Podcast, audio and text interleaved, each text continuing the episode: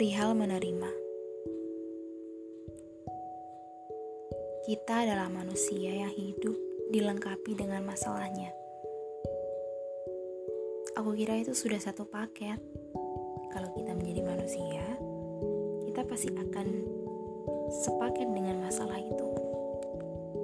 Dan ya, setiap kita punya hati sendiri, punya pemikiran sendiri, dan pastinya punya alur hidup sendiri.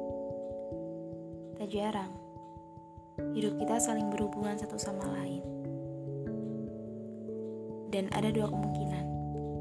Kemungkinan pertama, jika tugas salah satu seseorang sudah selesai, maka dia akan terputus dari hidup kita dan disambungkan dengan orang lain yang akan menemani masa depan kita. Kemungkinan keduanya, kita masih tetap bersambung dengan orang itu sepanjang hidup kita. Ya, begitulah hidup. Kukira selalu ada masanya. Tugas kita hanya menerima yang menjadi milik kita dan menerima untuk kehilangan yang bukan menjadi milik kita. Ikhlas jadi kuncinya sih.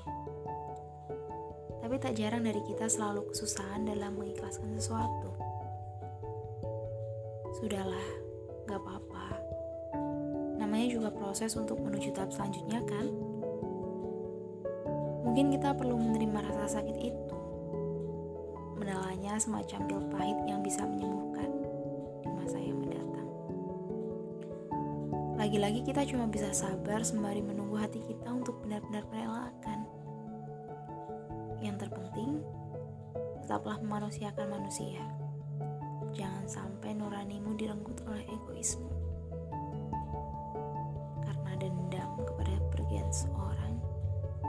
Yang jelas-jelas bukan kendalimu untuk memaksanya tetap tinggal.